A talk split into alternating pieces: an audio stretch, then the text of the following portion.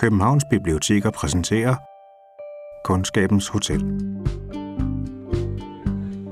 Velkommen til Kundskabens Hotel, podcasten, der giver dig det bedste fra biblioteket. Nej, ikke langtidsudkom. Hvad lavede jeg for fem minutter liv, siden? du. Desto mere intellektuel man er, desto mere åndssvag er man. I dag tager vi på litterær druktur i København, sammen med litteraturformidler fra Københavns Hovedbibliotek, Nils Offenberg. Jeg siger endnu mere, jeg siger meget mere, og nu siger jeg lidt mere. Og nu siger jeg næsten noget. Og sammen med Jens August Schade, Johannes V. Jensen, Ina Munk Christensen, Tom Christensen og Jakob Skyggebjerg. Det gør vi med et helt særligt kort i hånden. Vi skal snakke om litterære kort. Vi skal til at gå en tur rundt i København. Kortet kobler skønlitterære citater med steder i København. Det er sådan, at vi har lavet et kort, eller vi har lavet forskellige kort, og nu sidder vi med et af dem. Kortet er en del af et pilotprojekt, som Københavns Biblioteker har lavet. Der er et kort med Københavner-manifestationer. Der er et for børn, et med kirkegård-citater, og så er der altså det her med drukture. Det vil sige, at alle citater på kortet har at gøre med drukture i København. De navler alle sammen et sted i deres roman, hvor der bliver drukket. Og det er altså helt tilbage fra, øh, hvad det hedder, Kongens Fald til øh, Jak- Jakob Skyggebjerg. Citaterne er på den ene side. Og så kan man vende kortet om. Nu kan I jo ikke se det. Øh, og så kan man simpelthen se et kort, hvor de forskellige steder er sådan plottet ind. Vi starter ruten på det ikoniske Københavner værtshus, Hvids Vinstue, hvor vi får en enkelt dansk vand. Ja, vi sidder ved Hvids Vinstue, og som er, nu sidder jeg jo med et kort her, det er fordi, vi er simpelthen på punkt nummer et på kortet, som er Hvids Vinstue. Øh, I nu kan lille Kongens Gade, lige ved Magasin og Kongens Nytorv. Og grunden til, at vi sidder her, det er, fordi Jens August kom ufattelig meget her på Hvids Vinstue. Han kom ufattelig meget på mange værtshuse, og var, jeg tror, han var en meget trofast gæst på værtshusene, og han havde sådan en hædersplads mange steder. stederne. Der er skinbuksen her lige ved siden af, hvor jeg ved, der er sådan en plads, hvor der står, her sad en August Den tid, den tid, det tog så mange år, da jeg kom ned til jorden for at se de mange gale mennesker hos Hvid. Vi drak absint så lysegrøn, som skoven og som tusser.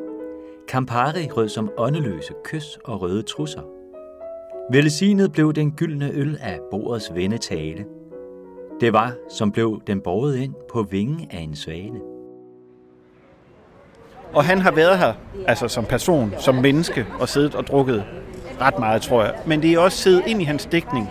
Så her handler det ikke om, at han har siddet her, men det her det tager udgangspunkt i et, et digt, der simpelthen hedder I Hvids Vinstue. Så det kan ikke være mere direkte. Den unge pige blev en sky nedstedet til min hånd. Indflettet her i byens ånd, en sløjfe i dens hår. Og bænken gyngede så småt ved kærlighedens fødsel. Vi sad som på en elefant på universets kant. Og jeg sad der med englevagt, en pige på hver side. Fra Hvids vinstue i sin pragt så jeg et tæppe glide. Jens August Schade er født i 1903. Han blev kaldt den lyse digter. Mens mange af hans samtidige var optaget af ting som fremmedgørelsen i det moderne samfund, hyldede sjæde livet og nydelsen. Og selv nød han livet i København med alkohol og damer. Blandt andet altså i Hvids Vinstue, som også er titlen på digtet, som du kan høre her. Den hyldende kontorchef, han var slet ingen ulv. Den sne, der føg ud fra hans sko, var stjernetogers gulv. Og brølet fra en malers mund, som kæmpe dammskibstuden, det var jo blot en lille hund, der drømte lidt på puden. Og så læser man så det her digt, hvor han simpelthen navngiver stedet, og så beskriver han sådan ret meget i det digt sådan en, øh, hvad skal man sige, en blanding af at være fuld og se på det på en næsten kaldt mytologisk måde. De her figurer, han sidder der, de bliver opløst, og de bliver både til engle og konkrete personer, og der ligger en hund derinde. Og damerne i tussegrøn og hoverløsten silkedragt, som slimet mudder om dem lagt, de var et åndepust. I skoven strakt så lysegrøn, en liderlig og underskøn, dybt åndende, erotisk bøn, en telefonisk stønnen. Fra paradis i deres bryst, om på den anden side af himmelrummet tæt herved, og til den store evighed. Så det er sådan, når man læser det, er det øh, meget, meget sådan smukt, fabulerende digt, Men man kan også godt kende det der med at sidde og drukket absint, og så skifter folk figurer og former og sådan nogle ting. Så det, det, øh, det trækker digt, altså man træk, bliver ligesom trukket ind i det her konkrete sted. Så det er jo bare fedt, at han også selv har siddet her, gjort sine erfaringer. En symfoni af fjerde og femte dimension. En stønne til Guds ære fra mindst en million i kærlighedens sfære.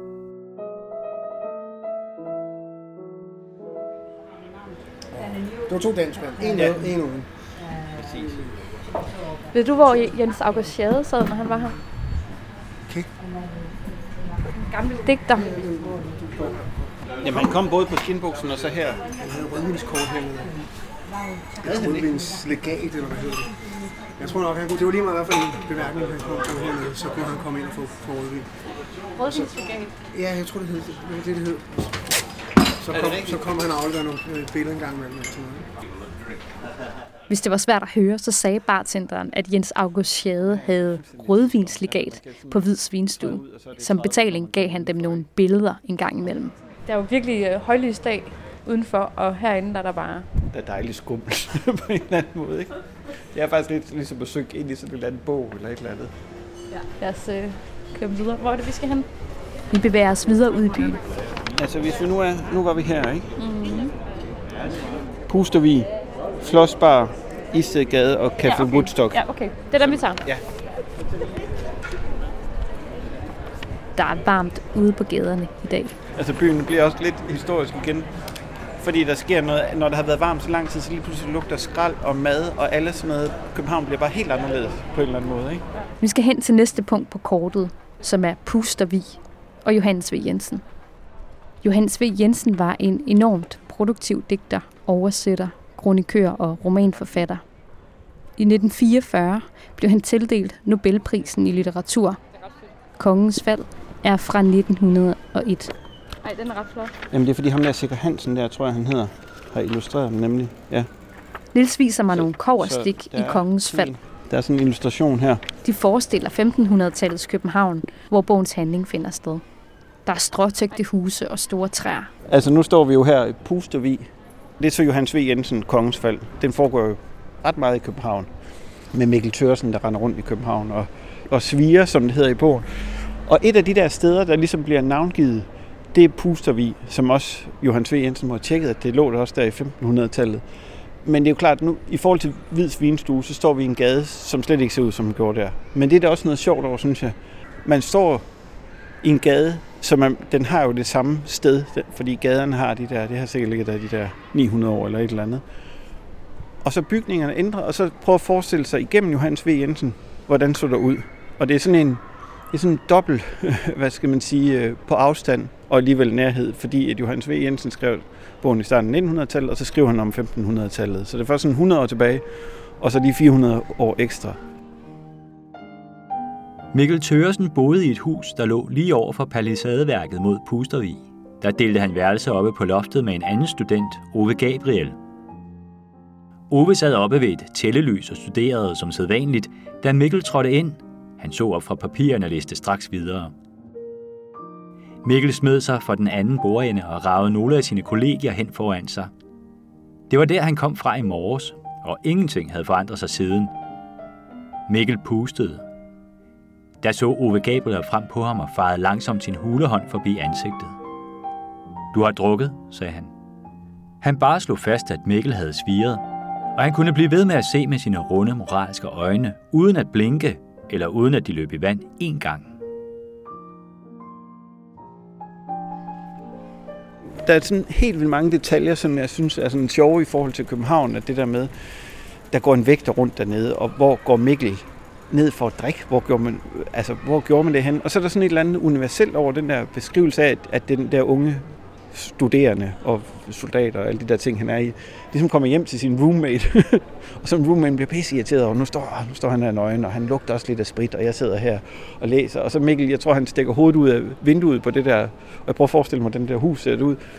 Og så skal han ned på gaden, men der er også lidt sådan udgangsforbud efter et eller andet tidspunkt. Og så får man sådan en historisk dimension, men man får jo også sådan en altså, dimension af, at det her sted, vi står, hvis man går ud her sent, nu her i 2018, så rager der også rigtig mange unge fuld rundt. Og på en måde helt vildt sødt, at man så forestiller sig også Mikkel, der går rundt i det her. Ikke? Og det er for mig sådan en kongens fald af alle mulige ting, men den er også den her ting. Den er virkelig også øh, København, men en helt anden København, det der hvids vinstue. Vi forlader Pustervig og 1500-tallets København. Nu skal vi frem til nutiden med forfatter Ina Munk Christensen. Og vi skal besøge Floss. Er vi på rette vej? Jeg skal lige sådan... Endnu en ikonisk Københavnerbar. Nu står vi nede i pisseretten på Floss, eller uden for Floss Café Floss. Den er svært lukket nu. Nu hvis den havde været åben, så havde vi selvfølgelig kigge ind, men nu er den her klassiske, hedder sådan en persienne i metal, der er rullet ned for, med masser af graffiti. Og så hænger der sådan en rød man king på et skateboard overfor. Det er sådan helt ikonisk, det her, øh, det her sted. Og indeni er det jo endnu mere ikonisk, ikke? Jeg, jeg har slet ikke styr på, hvor mange romaner, København-romaner, den optræder i. Alle mulige forskellige, men jeg er ret sikker på, at den optræder i ret mange. Og så står vi med øh, den, som citatet kommer fra, er sådan en debutroman fra 2015, som er Ina Munk Christensen, Nelsine, som så er en helt, nu har vi været lidt mere historiske romaner, sådan en øh, meget, meget nutidig roman om Nelsine, som vælter rundt i København på alle mulige måder. Den er meget sådan, øh, Floss er jo et legendarisk sted, ikke bare for litteratur, men musik og på alle mulige måder. Den har bare været der, altså nu siger jeg altid, den har ikke været der altid, ligesom Johannes V. Jensens øh, roman, men den har bare været der i sådan en moderne tid på en eller anden måde. Men det sjove ved den her Nelsina er også, at der er også, der er også masser af andre barer, der bliver nævnt. Andis og Hongkong, nu kommer vi lige ned fra Vinstue og, og Kongens Nytorv, Hongkong, der ligger nede i Nyhavn. Så det er sådan, det er sådan en vælten rundt i københavnske steder, og så det her med også, altså bare sidde på et værtshus, og så bare drikke sig virkelig en kæp i øret, og snakke med tilfældige mennesker. Og det er derfor, det er ærgerligt, at lukket lige nu, ikke? Fordi det er jo måske også det, som den her roman beskriver. Det der, man går ind på et værtshus, og så sker der et eller andet med, at der er forskellige stemmer, der ligesom kommer ind over, og tilfældige samtaler. Og det, det fanger den her roman altså virkelig fint. Hun står allerede og drikker papvin og fortæller om sin kusine, som hun var sammen med i aftes. Hun er 11 år. Fucking 11 år. Og så hører hun Jimi Hendrix og spiller bas. Og man kan bare mærke, hvor intelligent hun er. Det er næsten skræmmende. Og de griner af deres egen teenageness. Det, at de drikker en papvin hver og bekræfter hinanden i, at de ser godt ud. Og så går de på floss. Men før de når ind, bliver Nelsine stoppet af en spanier, der næsten kunne ligne Antonio Banderas. Han taler blødt til hende, og hun prøver at forstå, hvad han siger, men fatter intet, og han stikker sin tunge ind i munden på hende. Han kysser meget godt og dufter friskt, og hun afviser ham forvirret, og så går hun og Nancy ind på floss, eller ned i kælderen. What the mother freaking fuck skete der for det, skriger Nancy, og hun griner hysterisk. Og Nelsine griner også og siger, jeg ved det ikke, mand, jeg ved det ikke. Du har lige, griner Nancy videre. Hun kan næsten ikke snakke. Brokket over, at folk ikke bare snaver dig. Og så kommer der kraftede med en, og voldsnaver dig ud af den fucking blå luft. Det er fantastisk. Altså, man bør bare tage kortet, og så bare komme hen og se. Og også en dag, hvor det er åbent. Måske der sidde og læse hele den her bog herinde. Indtil der kommer nogen og forsyrer en med et eller andet voldsnave eller sådan noget. ja. Nå, men her er der i hvert fald den der baggrundslarm der, ikke? Nu skal vi med Tom Christensens herværk til Istegade. Det er jo vel en af, af de gader, som der er mange, der kender igennem Tom Christensen. Altså det med, at Istegade er uendelig lang, og han er bare på druk hele tiden. Ole Jastrav, hovedpersonen i det. I herværk følger vi journalisten Ole Jastravs derut. Han går fra et stabilt borgerligt liv med kone, barn og job og forsvinder mere og mere ind i alkoholtogerne på de vesterbroske beværtninger. Som hovedpersonen Jastrav arbejdede Tom Christensen også som journalist på politikken på Rådhuspladsen. Og så opholdt han sig også selv en del i de københavnske beværtninger. Man kan da se et par bar herfra i hvert fald. Ja, jeg tror, der er, altså, vi kan godt se nogen her, der er så også nogle morgenværtshus her, vi kan se. Men altså, hvis vi går nedad, så tror jeg, så er der rimelig mange. Og det, det synes jeg tænker, der er sjovt, det er at læse den her, det er ikke 100 år siden, men hvad er det, 80-90 år siden, den er skrevet. Man genkender byen på tværs af tider.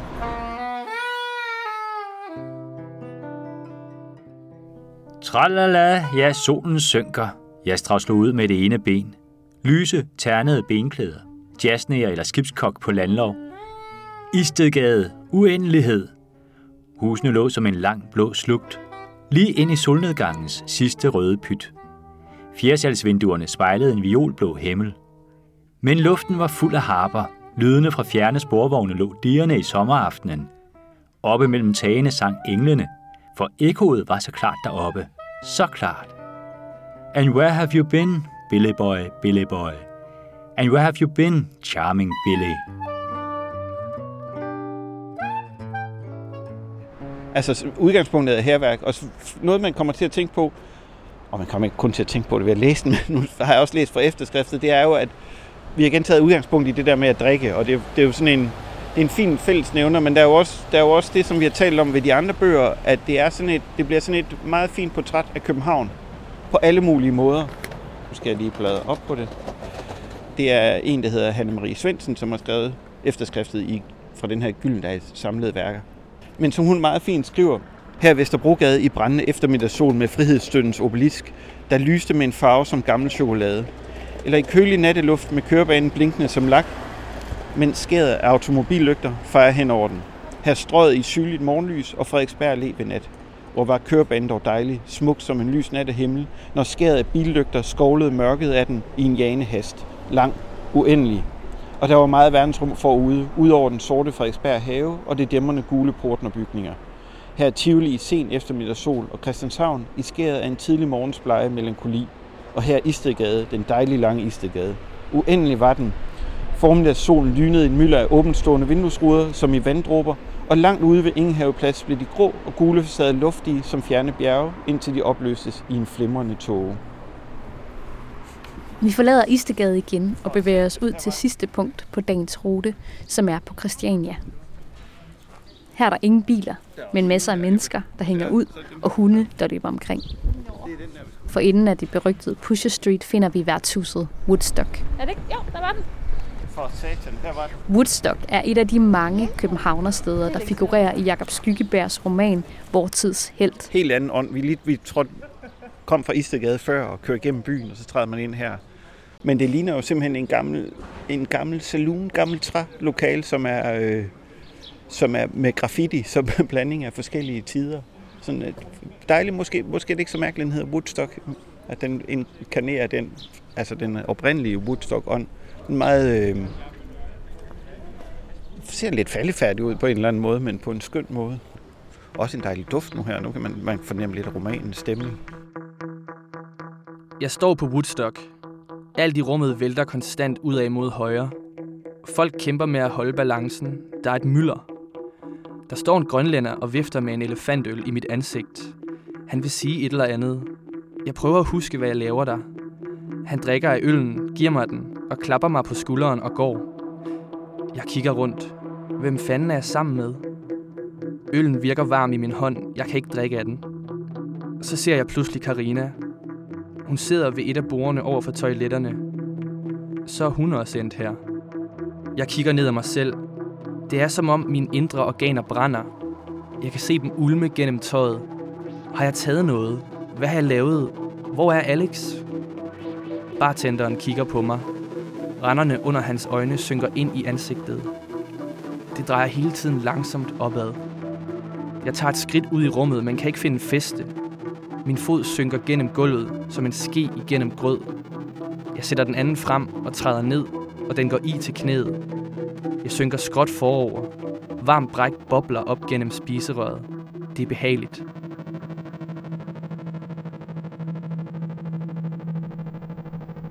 Og så fortsætter drukturen videre. Jeg, så er han ude og kaste op, og så drikker han videre og vågner op et sted, hvor han ikke kan huske, hvor han har været henne. Det er jo ikke en selvbiografi, det er ikke Jacob, men det er jo også en selvbiografi på en eller anden måde, sådan som jeg læser det. Og handler jo om det her første år i København med druk, rus, alle mulige ting. Fantastisk roman. Og det er også øh, meget, øh, nej, jeg vil ikke sige trist roman, men det er også et, øh, jeg tror det er, hvem er der skriver bag her, at man vil gerne se det liv der, men man vil måske ikke leve det selv. Alle de forskellige nedture, der er. Altså virkelig, virkelig læseværdig roman, og får virkelig et stærkt billede af København. Meget nutidigt billede, og også meget sådan undergrundssteder og så videre. Det er sådan igen, hvad hedder sådan noget, forsiden og bagsiden af medaljen er druk. Og jeg tror, der er, meget, der er mange bagsider her, og der er mange forskellige stoffer og så videre. Men også et, øh, igen, med den her bog i hånden, kan man altså komme nogle andre steder i København, end dem man måske lige havde regnet med. Også meget ude på Nørrebro, men også meget her netop på staden. Altså, man skal læse den bog. Det var sidste punkt på vores litterære drukrute. Vi bevæger os tilbage mod Københavns Hovedbibliotek. Det, som der, der er lidt sjovt med det her kort, når man både ser nogle meget sådan historiske forfatter og nogle nylevende forfatter, det er, at man får måske også lidt lidt for, at man ikke ved, hvem det er, der kommer til at tegne det der billede af København. Men de gør det på en eller anden måde alle sammen, store som små. Altså, nu har vi det andet kirkegårdkort, og, ligesom H.C. Andersen tegner Odense på en eller anden måde. Så er det sådan oplagte. Men der er jo alle mulige andre, som har altså, gjort København til et sted, eller levende, eller man kunne forestille sig, eller man får et indtryk af, at det er helt vildt drukfældigt, hvis man bor i København, eller et eller andet. Og det tror jeg, at, at det er også interessant, hvis man ligesom har blik for, at den her historie fortsætter. Altså, hvor mange nutidsromaner kommer der, hvor distortion indgår. De, de kommer der sikkert også som bifigurer. Du kan låne digter i Danmark af Jens August Schade, Kongens Fald af Johannes V. Jensen, Nelsine af Ina Munk Christensen, Herværk af Tom Christensen og Vortidshelt af Jakob Skyggebjerg på Københavns Biblioteker. Gå ind på vores hjemmeside eller spørg din lokale bibliotekar. Hvis du selv har fået lyst til at tage med forfatterne på værtshus, kan du i ugen efter udgivelsen af denne podcast hente et fysisk eksemplar på første sal på Københavns Hovedbibliotek. Du skal bare lige op af rulletrapperne. Sammen med kortene har vi også lagt nogle af bøgerne. Ellers så kan du finde kortene digitalt på siden for dette afsnit på bibliotek.kk.dk-lyd. Som sagt er der også et kort med kirkegård, et med Københavner-manifestationer og et for børn. Vores indlæser var Jakob Kær. Jakob Krav Linde. Jeg har lidt svedige håndflader, kan jeg mærke. Er det fordi, jeg er nervøs, eller fordi det er varmt? Og Susan Erdogan Borglind. Kraft. Det var ikke kraftet af mame. Det er godt sådan, Marie. Åh, oh, sådan kold der er tid. Det du kan høre her, og som du også hørte i starten, er et klip fra essayfilmen om københavnske værtshuse, Odyssé af Terje Draxet. Den kan man finde i sin helhed på YouTube. Se, nu mangler vi sådan en lille en til at skylle Kundskabens Hotel er produceret af Københavns Biblioteker. Mit navn er Anne Jeppesen. Vi lyttes ved.